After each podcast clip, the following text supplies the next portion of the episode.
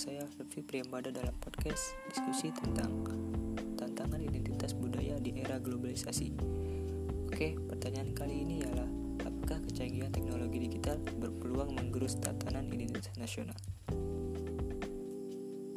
Ya, dapat kita ketahui saat ini, teknologi terus mengalami perkembangan seiring dengan berkembangnya peradaban manusia. Di era globalisasi saat ini, kita juga dengan mudahnya mengakses informasi, Selain itu, kecanggihan teknologi digital akan membawa dampak pengaruh bes perubahan besar dan pengaruh perubahan kecil.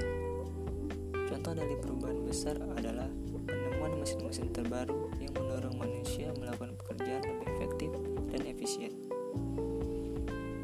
Sedangkan contoh dari perubahan kecil misalnya gaya berpakaian, gaya rambut, makanan, dan masuknya kultur asing. Kemudian ada juga perubahan terhadap tata nilai dan sikap bangsa Indonesia. Kita bisa lihat di media sosial, orang-orang dengan gampangnya menilai dan menghujat terhadap sesuatu yang bertolak belakang dengan pandangannya. Tentu saja ini bertolak belakang dengan masyarakat Indonesia yang selama ini terkenal dengan tutur berbicara dan keramah tamahannya. Selain itu, kita juga bisa mengakses berbagai ideologi-ideologi yang bertolak belakang dengan Pancasila seperti marxisme, anarkisme, dan sebagainya. Mempelajari ideologi-ideologi tersebut tentu boleh-boleh saja, tetapi harus lebih selektif dan jangan sampai bertentangan dengan ideologi bangsa Indonesia, yaitu Pancasila. Karena Pancasila merupakan nilai mutlak pemersatu bangsa yang sudah final. Inilah itu saja podcast singkat kasih dan Assalamualaikum warahmatullahi wabarakatuh.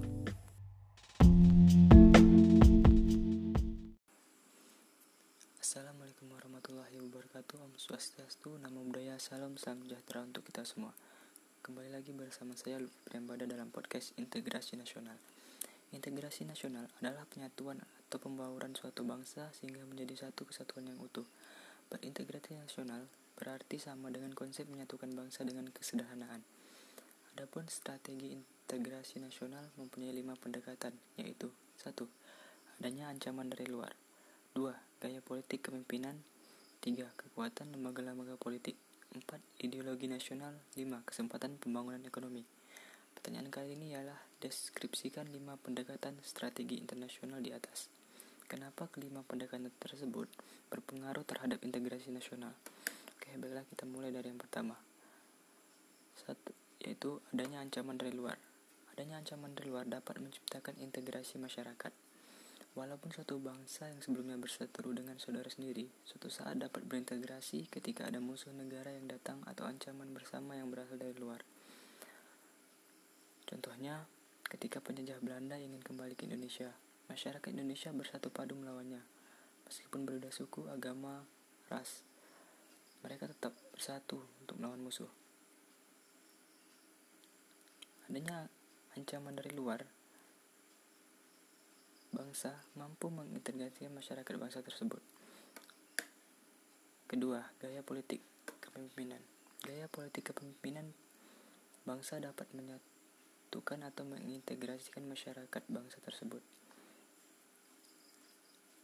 Contohnya, pemimpin yang memiliki karismatik, dicintai rakyatnya dan memiliki jasa jasa besar mampu menyatukan bangsanya yang sebelumnya tercerai berai. Contoh dari cerita Nelson Mandela yang memperjuangkan kebebasan ras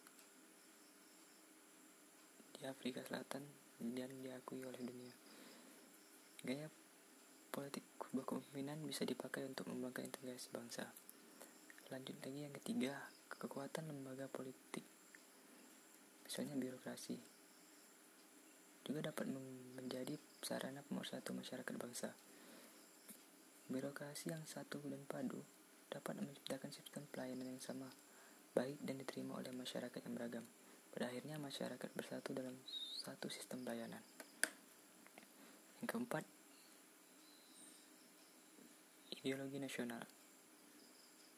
Ideologi juga memberikan visi dan beberapa panduan bagaimana cara menuju visi atau tujuan.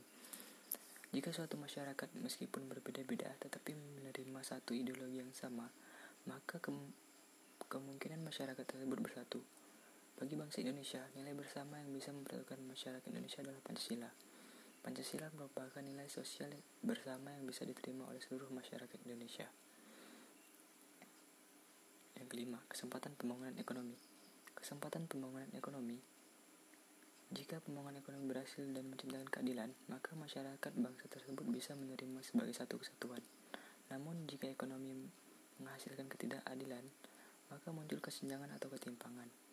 Orang-orang yang dirugikan akan sulit untuk mau bersatu atau merasa satu dengan mereka yang diuntungkan serta yang mendapatkan kekayaan secara tidak adil. Banyak kasus karena ketidakadilan, maka sebuah masyarakat ingin memisahkan diri dari bangsa yang bersangkutan. Dengan pembangunan ekonomi yang merata, maka hubungan dari integrasi antar masyarakat akan semakin mudah tercapai. Baiklah, dari kelima strategi ini dapat ditarik kesimpulan kelima strategi tersebut saling berkaitan dan melengkapi untuk mewujudkan integrasi nasional. Baiklah, sekian podcast. Kali ini jika ada terkata yang salah saya, saya mohon maaf yang sebesar, sebesarnya. Saya akhiri dengan wassalamualaikum warahmatullahi wabarakatuh. Assalamualaikum warahmatullahi wabarakatuh. Om Swastiastu, Namo Buddhaya, Salam, Salam sejahtera untuk kita semua. Kembali lagi bersama saya Lutfi Priambada dalam podcast Integrasi Nasional. Integrasi nasional adalah penyatuan atau pembauran suatu bangsa sehingga menjadi satu kesatuan yang utuh. Berintegrasi nasional berarti sama dengan konsep menyatukan bangsa dengan kesederhanaan. Adapun strategi integrasi nasional mempunyai lima pendekatan, yaitu satu, Adanya ancaman dari luar. dua, Gaya politik kepemimpinan. tiga, Kekuatan lembaga-lembaga politik. empat, Ideologi nasional. lima, Kesempatan pembangunan ekonomi. Pertanyaan kali ini ialah deskripsikan lima pendekatan strategi internasional di atas. Kenapa kelima pendekatan tersebut berpengaruh terhadap integrasi nasional? Oke, baiklah kita mulai dari yang pertama. Satu, yaitu adanya ancaman dari luar. Adanya ancaman dari luar dapat menciptakan integrasi masyarakat. Walaupun suatu bangsa yang sebelumnya berseteru dengan saudara sendiri, suatu saat dapat berintegrasi ketika ada musuh negara yang datang atau ancaman bersama yang berasal dari luar. Contohnya, ketika penjajah Belanda ingin kembali ke Indonesia, masyarakat Indonesia bersatu padu melawannya. Meskipun berbeda suku, agama, ras, mereka tetap bersatu untuk melawan musuh. Adanya ancaman dari luar, bangsa mampu mengintegrasi masyarakat bangsa tersebut.